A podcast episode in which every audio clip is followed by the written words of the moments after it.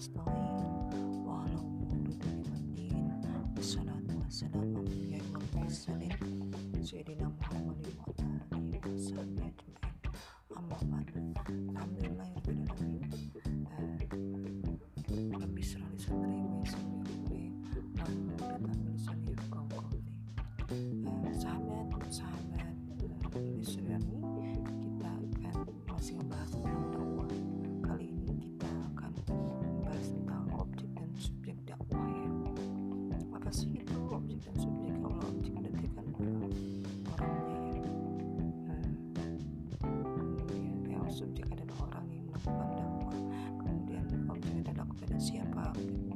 pendakwah dai itu berdakwah gitu ya. Satu hal yang penting dalam dakwah uh, adalah memahami siapa pelaku ya. Atau subjek dan ladang garap atau dan ladang garapnya atau objeknya adalah objek dakwah itu siapa. Dan uh, berkaitan dengan tujuan yang hendak dicapai dan uh, dan cara dakwah yang akan ditempuh secara ringkas pelaku atau subjek dakwah bisa bisa dibagi menjadi tiga yakni individu, jamaah, uh, dan daulah atau negara. Sedang ladang uh, garap atau subjek dakwah adalah ada dua ya, uh, yaitu orang kafir sebagai individu dan negara dan orang muslim. Dakwah kepada individu kafir bertujuan untuk merubah akidahnya menjadi akidah Islam. Dakwah seperti ini bisa dilakukan oleh individu muslim dengan mengajak uh, secara langsung individu kafir melalui berbagai cara untuk masuk Islam. Dakwah semacam ini akan lebih efektif bila dilakukan oleh seorang uh, oleh sebuah jemaah dengan jumlah orang dan jumlah dan sumber daya ya. Dana pikiran dan tenaga yang lebih besar kemampuan untuk melakukan dakwah kepada orang kafir tentu lebih besar pula. Hasilnya juga tentu akan lebih baik ketimbang dakwah yang dilakukan sendiri. Tapi yang paling efektif adalah dilakukan oleh negara Islam di tengah masyarakat orang kafir yang hidup dalam masyarakat Islam sebagai zimah atau uh, orang kafir yang diberi yang dibiarkan dalam kekafirannya tapi hidup dalam daulah Islam sebagaimana warga negara muslim yang lainnya. Akan melihat uh, secara langsung kehidupan Islam dan merasakan sendiri kerahmatannya penjelasan uh, terus-menerus yang dilakukan oleh negara melalui media massa tentang ajaran Islam dan kesalahan akidah kufur ditambah dengan pendekatan yang dilakukan oleh orang-orang Islam secara individual dan kegiatan jamaah dakwah yang ada membuat ahlu zimma akan menilai akidah yang dipeluknya untuk kemudian terdorong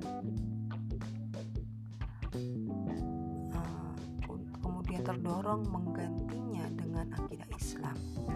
Anda ia uh, Anda ia tidak juga mau berubah, tetap saja tidak boleh dipaksa untuk memeluk Islam ya.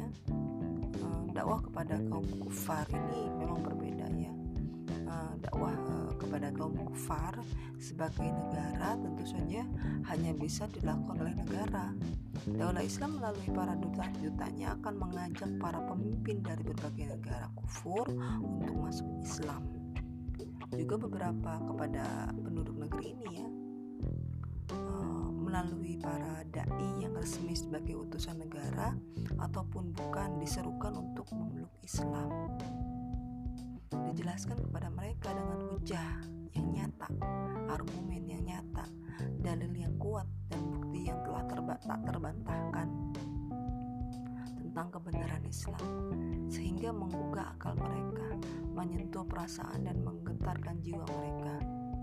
Bila mereka menolak untuk masuk Islam, mereka diminta untuk, untuk tunduk pada daulah Islam sebagai ahlu zimah dengan kewajiban membayar jizyah. Mereka diperlakukan sama dengan orang Islam bila ajakan untuk membayar jizyah dan tunduk kepada daulah juga ditolak, surat At-Taubah ayat 29, perangilah orang-orang yang baik, beriman perangilah orang-orang yang tidak beriman kepada Allah dan tidak pula kepada hari kemudian. Dan mereka tidak mengharamkan orang yang apa yang telah diharamkan Allah dan Rasulnya dan tidak beragama dengan agama yang benar atau agama Islam. Dari orang yang diberi Alkitab kepada mereka jizyah dengan penuh patuh uh, sedang mereka dalam keadaan tunduk. Ya sedang dakwah kepada orang Islam bertujuan untuk meningkatkan iman dan takwanya mempertinggi kualitas kepribadian atau saksiya Islam secara memperkuat kedudukannya pada aturan Islam. Dakwah ini eh, dapat dilakukan oleh individu muslim melalui dakwah fardiyah baik dengan pendekatan personal maupun kelompok dalam berbagai forum. Tapi sama seperti dakwah kepada orang kafir akan lebih efektif bila dilakukan secara berjamaah dan paling efektif tentu saja dilakukan oleh negara. Dakwah oleh negara kepada setiap muslim dilakukan dengan cara menerapkan hukum Islam secara murni dan konsekuen disertai penjelasan tentang berbagai aspek ajaran Islam secara terus-menerus melalui berbagai media massa dan contoh para pemimpin Islam. Maka setiap muslim akan melihat secara langsung secara langsung kehidupan Islam dan merasakan sendiri kerahmatannya. Kemudian kebaikan, kemuliaan dan kerahmatan ajaran Islam akan terwujud secara nyata. Sementara terlihat pula para pemimpin Islam adalah figur-figur yang pantas diteladani karena mereka juga konsekuen dengan keislaman mereka.